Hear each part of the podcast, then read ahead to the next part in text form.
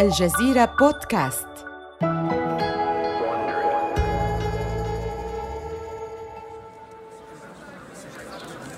مايو عام 2012 في مدينة مينلو بارك بولاية كاليفورنيا.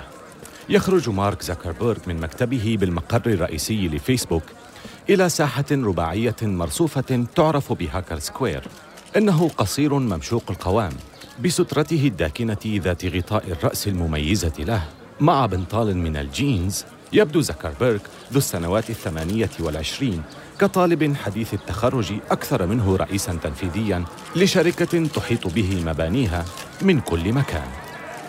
يمشي إلى منتصف الساحة حيث منصة يعلوها شعار بورصة ناسداك وأمام المنصة حشد هائل من الناس كاميرات وطواقم الأخبار ومئات من موظفي فيسبوك المبتهجين يهتفون ويصفقون. إنه على وشك تحويل شركته إلى شركة مساهمة عامة. وهذا أكبر اكتتاب تقني عام ينتظره الناس منذ اكتتاب جوجل في عام 2004 ولو صار كل شيء وفق الخطة فإن فيسبوك ستجمع 16 مليار دولار اليوم أي ما يقترب من عشرة أضعاف اكتتاب جوجل. في المعتاد يجري الاكتتاب في بورصة ناسداك بولاية نيويورك. لكن لا شيء تقليدي فيما يخص زاكربيرغ.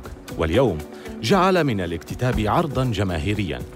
بدلا من الذهاب إلى نيويورك ليقرع الجرس لن يبتعد عن مكتبه أكثر من بضع مئات من الأمتار. في السادسة والنصف صباحا يصعد المنصة. حسنا. آه، أريد فقط قول بعض الأمور وبعدها سنقرع هذا الجرس ونعود للعمل. قد يبدو ما نفعله امرا شديد الأهمية. فطرح الشركة للجمهور يعد معلما هاما في تاريخنا ولكن إليكم الأمر. رسالتنا ليست أن نكون شركة عامة. رسالتنا أن نجعل العالم أكثر انفتاحا وتواصلا.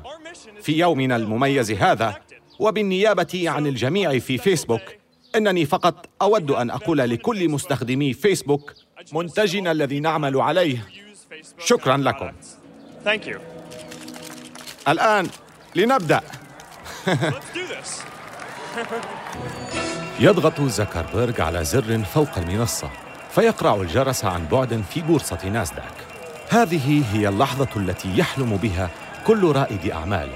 الوصول بشركته الصغيرة المبتدئة إلى شركة مساهمة عامة تبلغ قيمتها المليارات. يغلق سوق الأسهم في ذلك اليوم أعلى بثلاثة وعشرين سنتا فقط من سعر الافتتاح البالغ ثمانية وثلاثين دولاراً. ليس الأمر كارثياً لكنه ليس بالنجاح المذهل الذي كان يأمله المضاربون. وهي علامة أخرى لزكربيرغ أن تفوق فيسبوك ليس مضموناً مدى الحياة بل يعتمد على قدرة فيسبوك على الابتكار. أو الاستحواذ على مبتكرين يستسلمون عادة للأرقام الكبيرة أو تموت الشركة مثل موقع MySpace لكن شركة ناشئة يراقبها عن كثب تبدو محصنة أمام سحره ودفتر شيكاته هل تكون سناب شات بهذا الدهاء فعلا أم أنها تكتب نهايتها بنفسها؟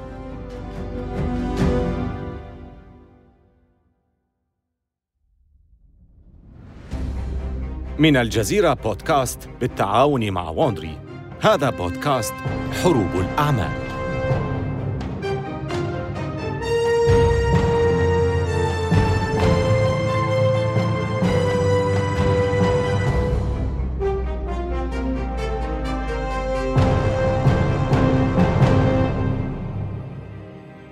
يمكن لمارك زكربيرغ التظاهر بأن الأمر ليس ذا أهمية كما يشاء.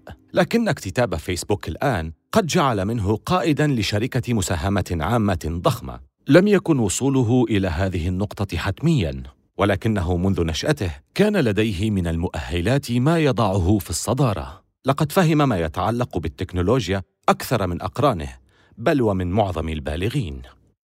كان لدى والديه الثريين من الوسائل ما يمكنه من تغذية طموحه. كانت نشأته حسنا لا تختلف كثيرا عن مؤسس سناب شات إيفان شبيغل. وبطريقة ما يضع هذا زكربيرغ وشبيغل رأسا برأس. هذه هي الحلقة الثانية. أبناء الأثرياء. إنه عام 1996 في منزل زكربيرغ في ضاحية دابسفيري الثرية في مدينة نيويورك. زكربيرغ يبلغ من العمر 12 عاماً. والده طبيب أسنان محلي. هو أيضاً مهووس بالحاسوب قليلاً. يتذمر من مشاكل عمله أثناء تناوله العشاء مع أسرته. أتمنى لو كانت هناك طريقة أفضل للإعلان عن وصول المرضى بدلاً من صياح موظفة الاستقبال تناديني أن فلان الفلاني وصل. الأمر بعيد عن الاحترافية تماماً.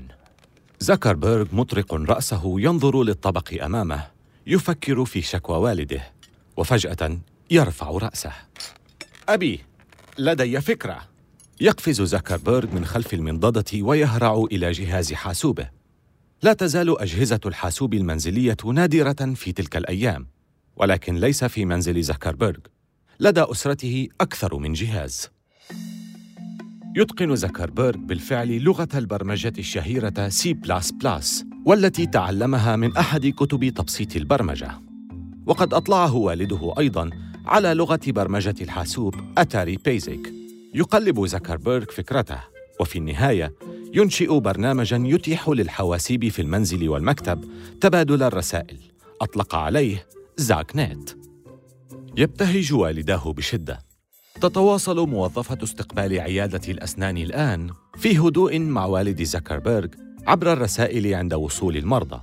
يستخدم الأخوة زكربيرغ زاك نت لمراسلة بعضهم بعضاً.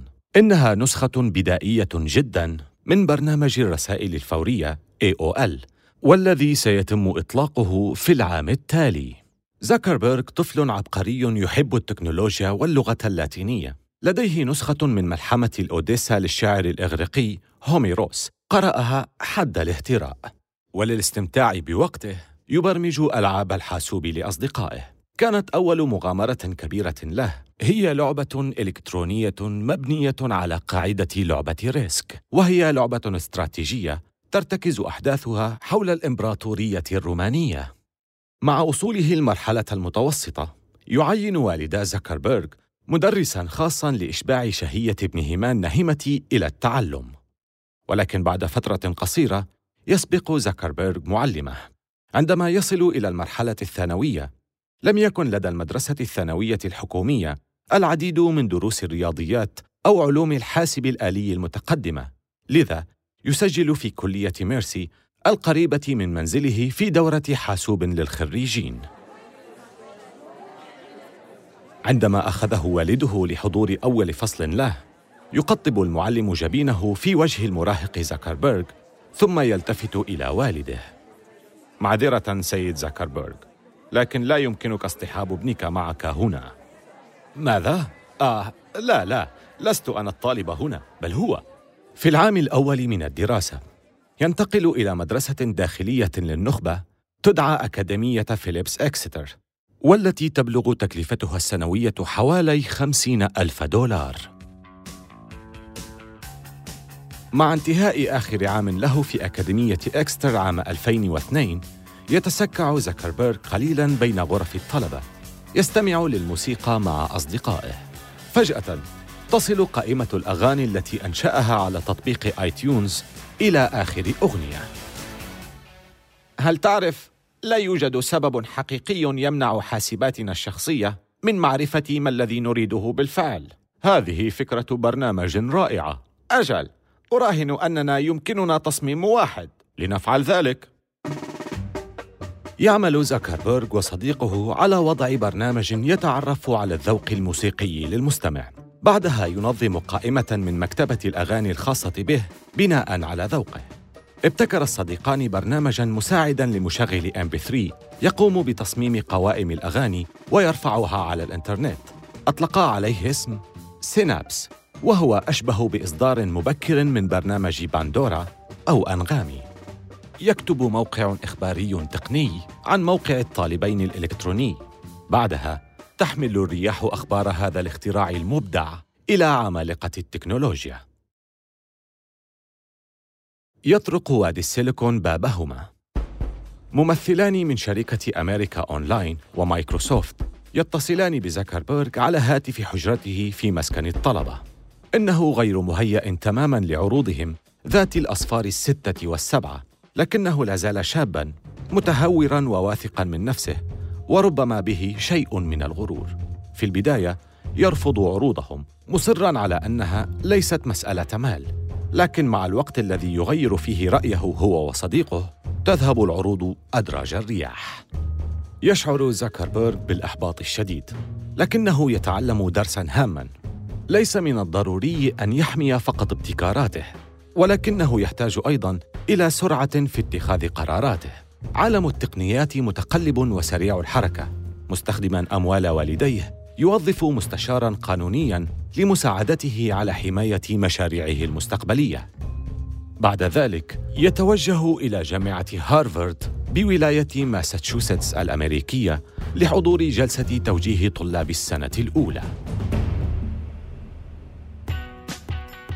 في الناحية الأخرى من الولايات المتحدة مهووس آخر بالحاسوب يزدهر وسط أسرته من أثرياء الطبقة الوسطى إيفان شبيغل ولد في الرابع من يونيو عام 1990 وينشأ في ضاحية باسيفيك باليسيدز الفاخرة بغرب مدينة لوس أنجلوس.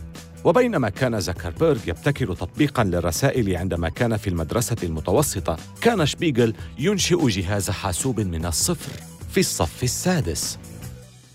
يذهب شبيغل أيضا إلى مدرسة ثانوية خاصة مكلفة معروفة بارتياد المشاهير لها مثل الممثل الكوميدي جونا هيل والممثلة السينمائية غوينيث بالترو وزوي ديشانيل بينما لا يزال في الثانوية يحصل شبيغل على فرصة تدريب مع ريد بول للترويج لمشروب الطاقة في الحانات والأندية الليلية.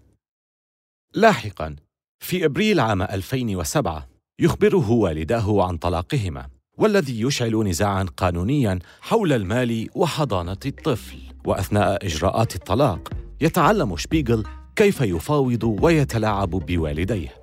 ينتقل إلى فيلا والده الساحلية ويمنحه والده كل الصلاحيات.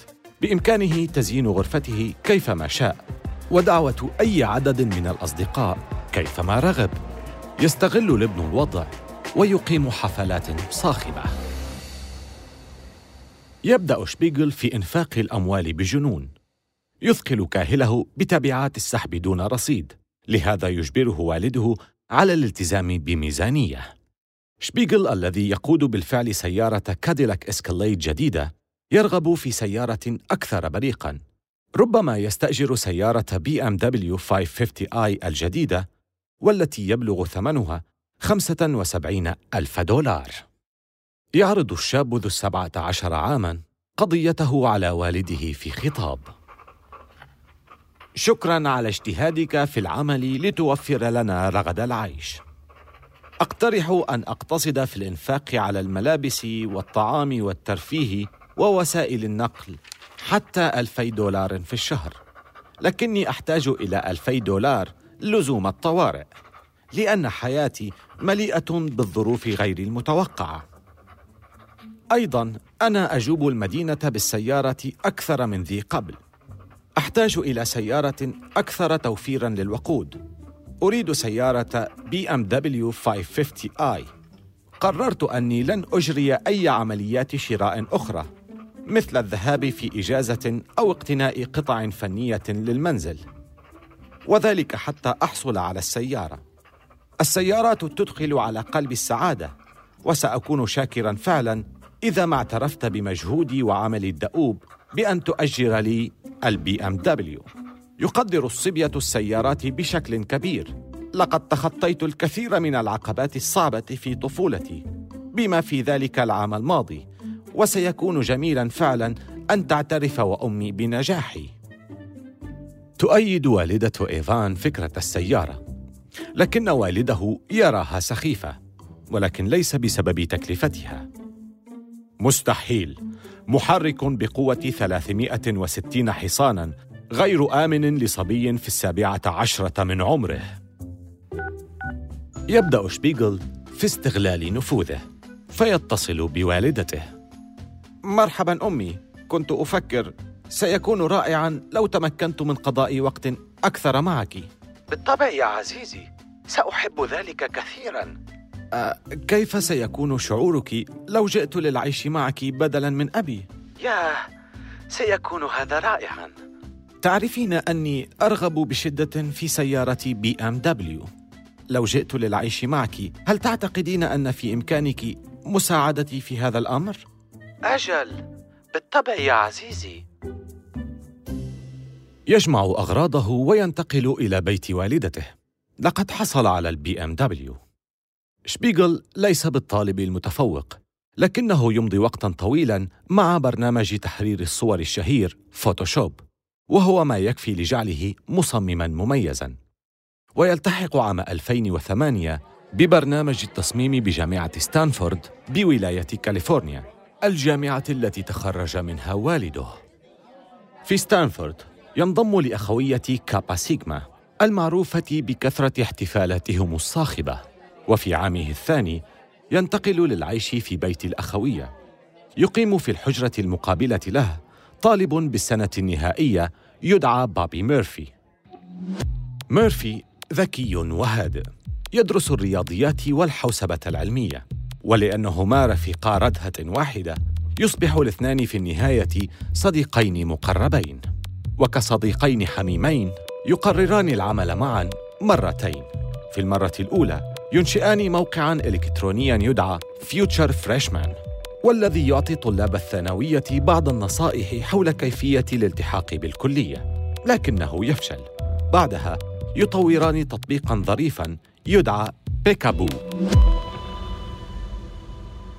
بحلول ربيع عام 2012 يصبح شبيغل طالبا في السنة النهائية بجامعة ستانفورد ويلتحق ميرفي بوظيفة مطور برامج وينتقل إلى سان فرانسيسكو.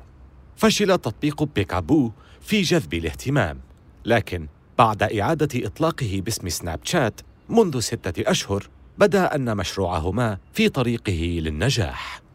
بفضل محبيهم من المراهقين نما مستخدمو سناب شات ليبلغوا مئة ألف بحلول إبريل عام 2012 لم يسمع عنه معظم البالغين بعد ولكن لا يهم. ينتشر التطبيق بسرعة كبيرة بحيث تظهر المشاكل قبل أن يتمكنا من توقعها يشعر شبيغل بالقلق. بابي لا يمكننا حتى مجاراة فواتير استضافة الموقع. إنها تكلفنا ما يقارب الخمسة آلاف دولار في الشهر. حسنا إيفان. ماذا لو أضفت بعض الأموال من راتبي؟ بالتأكيد سيساعدنا هذا. لقد ورثت بعض المال من جدتي أيضا ويمكننا استخدامه لإبقاء التطبيق مستمرا. يصل الأمر بميرفي أن يساهم بنصف مرتبه الشهري. لكن هذا الوضع لا يمكنه الاستمرار. إنهما يريدان المزيد من المال وبأسرع وقت. لكن ما لا يعرفانه أن المراهقين في طريقهم لإنقاذهما مرة أخرى. مدرسة ثانوية أخرى. هذه المرة في وادي السيليكون. تطبيق سناب شات هو الأعلى شهرة هنا. إنه في شهرة إنستغرام وأنجري بيردز تخبر فتاة مراهقة والدها عن التطبيق. وبالمصادفة فإن والدها مستثمر في مجموعة لايت سبيد للاستثمار المغامر. وهي شركة معروفة تركز على الاستثمارات في المراحل المبكرة. يخبر الأب زميله في العمل جيرمي ليو عن هذا التطبيق الجديد الذي سمع عنه للتو. جيرمي ابنتي مهووسة بذلك الشيء المدعو سناب شات. يمكن للمستخدمين من خلاله إرسال صور تختفي بعد ذلك. هل سمعت عنه؟ لا لم أسمع عنه. لكن هذه فكرة مثيرة للاهتمام. أجل. مع انصباب الاهتمام على المخاوف بشأن خصوصية وسائل التواصل الاجتماعي. ربما من الأجدر أن نعرف المزيد. ينطلق لو لاقتناص ملاك سناب شات لكن موقعهما الإلكتروني لا يحمل أي معلومات للاتصال ولا توجد أسماء ملاك مدرجة على صفحة سناب شات على موقع لينكد إن أيضاً. أخيراً يبحث عن اسم مالك ال domain الخاص بالتطبيق. إنه مدرج تحت تويوبا جروب وهو اسم الشارع الذي يعيش فيه والد شبيغل. يجد لو اسم شبيغل المسجل ويتتبعه على صفحته على فيسبوك. يرسل له رسالة ويتفقان على الحديث. يعقد لو فورا اجتماعا هاتفيا مع شبيغل وميرفي. مرحبا. أحب كثيرا ما تفعلانه بسناب شات. يبدو أنكما تكتسبان شهرة واسعة بين المراهقين. أجل لدينا مئة ألف مستخدم. مذهل مئة ألف هذا كثير. نحن نشهد نموا سريعا بالفعل. أرقام مستخدمينا تضاعفت خمس مرات أكثر مما كانت عليه منذ ثلاثة أشهر مضت. كل هذا مذهل. اسمعا أريد الاستثمار معكما. يكتم شبيغل أنفاسه. إنه مبتهج. هذا توقيت مثالي. إنهما يحتاجان مساعدة لدفع فواتير استضافة الموقع. يمكنني الاستثمار بمبلغ 485 ألف دولار مقابل حصة صغيرة في الشركة. يبتهج شبيغل في صمت. ستبقي هذه الأموال سناب شات في الساحة لشهور ولكنه يتصنع اللامبالاة عبر الهاتف. هذا عرض مثير للاهتمام. دعني أتناقش مع بابي وسنعاود الاتصال بك. يغلق الهاتف ويتصل بميرفي ويناقش العرض. يجب أن نوافق. ما رأيك؟ أعتقد أننا بحاجة إلى المال. يعاودان الاتصال بلو. موافقان على الصفقة. بعد عدة أسابيع يجلس شبيغل في ورشة الميكانيكا يقوم بتحديث تطبيق ويلز فارغو لخدمة الأموال على هاتف الآيفون الخاص به منتظرا وصول أموال لو. لكن لا شيء لا شيء ما يزال خاليا. بعد ذلك تظهر ستة أرقام. تزداد ثروته بأربعمائة وخمسة وثمانين ألف دولار. يقوم من مجلسه ويسير حيث أستاذه. سأتوقف عن حضور الدروس.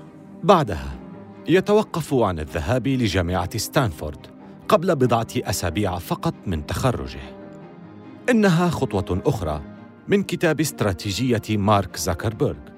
لقد فعل نفس الشيء مع جامعة هارفارد ولكن حان الوقت كي يواجه التلميذ أستاذه. ليس ليتعلم ولكن ليغزو. الآن يتحرك سناب شات ليهزم فيسبوك وإنستغرام.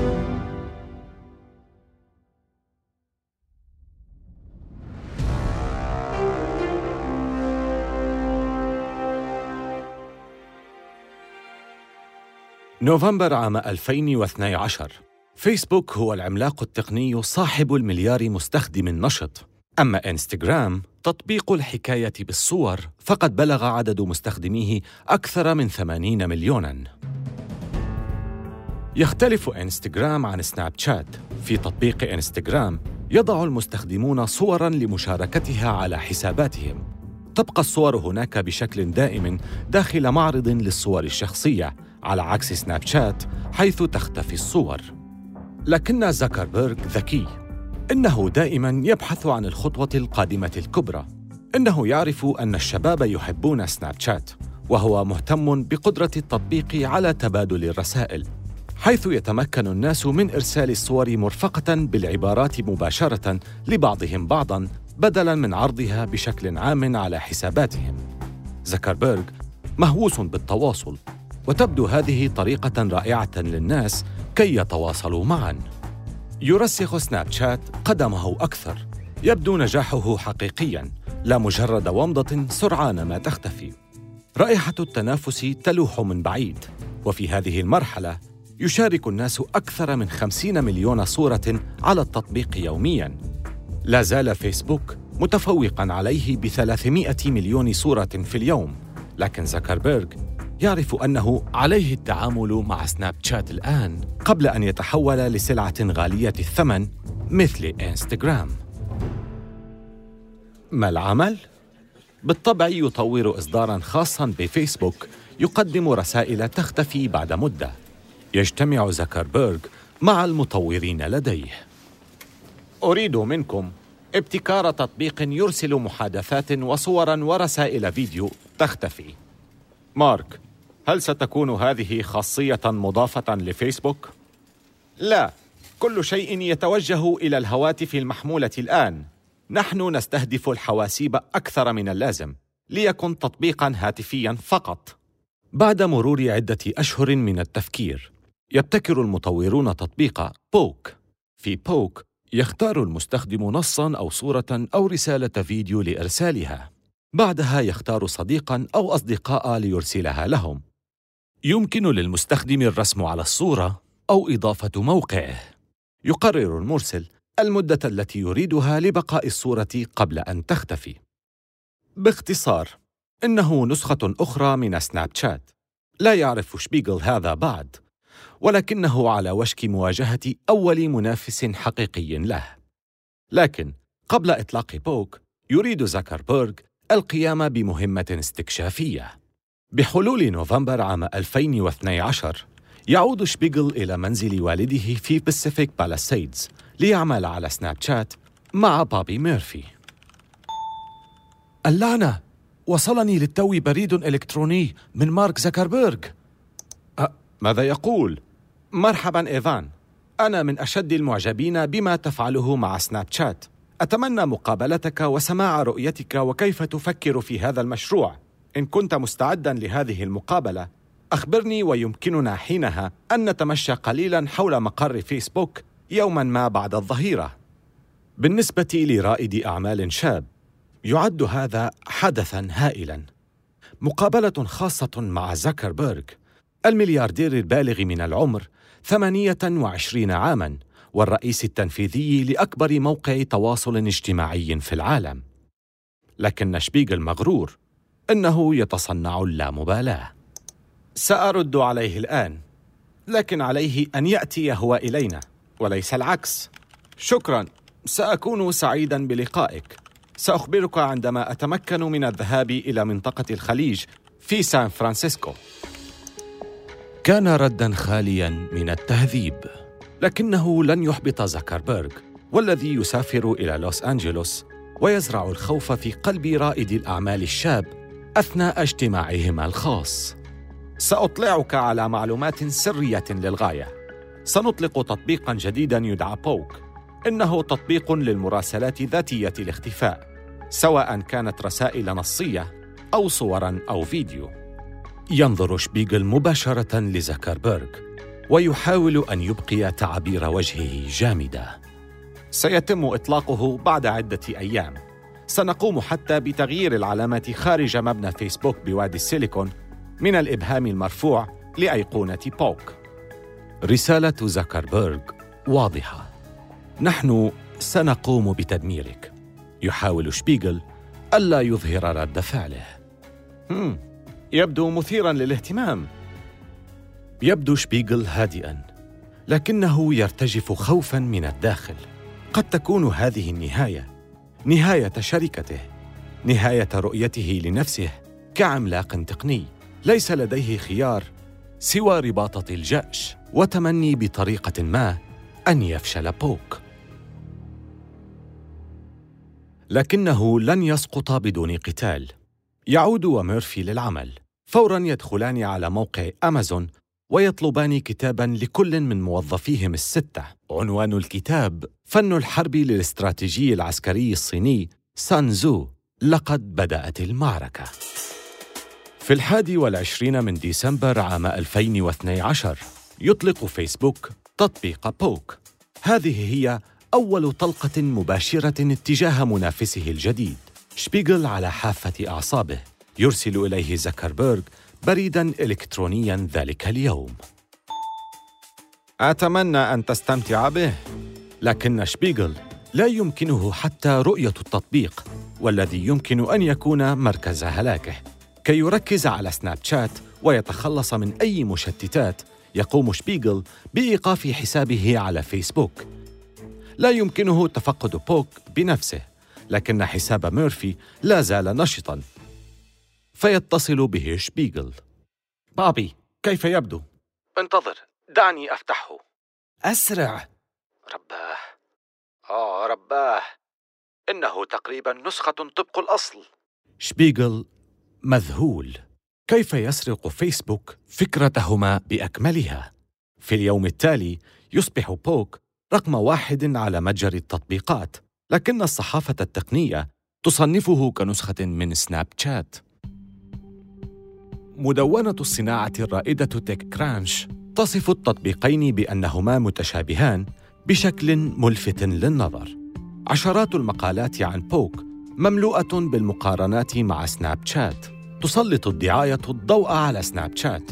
يتساءل الناس ما هذا التطبيق الذي يقال إن فيسبوك قام بنسخه؟ بدأوا بتحميله وتفقده. يمكنهم الجزم أن سناب شات هو الأصل. بعد بضعة أيام معجزة عيد الميلاد. يحتل سناب شات المرتبة الرابعة على متجر التطبيقات ويختفي بوك من قائمة الثلاثين الأوائل. يشكل هذا حرجاً كبيراً لفيسبوك. كيف يخسر تطبيق جديد يطلقه أكبر موقع تواصل اجتماعي في العالم أمام صديقين لم يتجاوز عمرهما؟ العشرين.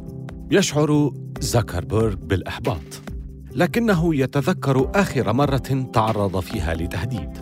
حان الوقت لاتخاذ نفس مسار إنستغرام. إن لم تستطع هزيمتهم اشترهم.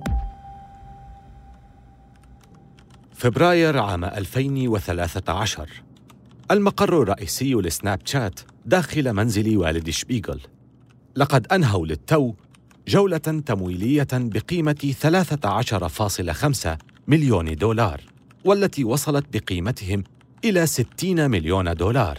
لكن النعيم المنزلي الذي يعيش فيه الفريق على وشك التبخر. من هذا؟ يستلم شبيغل وميرفي أوراقا قانونية. بعد ثمانية عشر شهرا من طردهما إياه من الشركة يقوم صديقهما السابق ريج براون بمقاضاة سناب شات. يمزق شبيغل المظروف كي يفتحه ويتصفح الأوراق. لا أصدق هذا. ريجي يدعي أنه صاحب فكرة سناب شات وشعاره. إنه يريد ثلث الشركة. ما هذا؟ لم يفعل شيئا. والآن يريد ثلث المشروع؟ يدرك ميرفي فورا أن دعوى قضائية كهذه. بإمكانها تعطيل تقدمهما. إيفان. لنترك للمحامين الاهتمام بالأمر. لدينا شركة لنبنيها. سناب شات في حرب ليس فقط مع فيسبوك بل إنه الآن يقاتل على جبهة أخرى. هذه المرة قتال داخلي. في الحلقة القادمة سناب شات يحقق تطورا جديدا من شأنه تغيير مستقبل النشر على وسائل التواصل الاجتماعي كما نعرفه. ويعرض زكربيرغ على شبيغل عرضا يعتقد أنه أروع من أن يرفضه.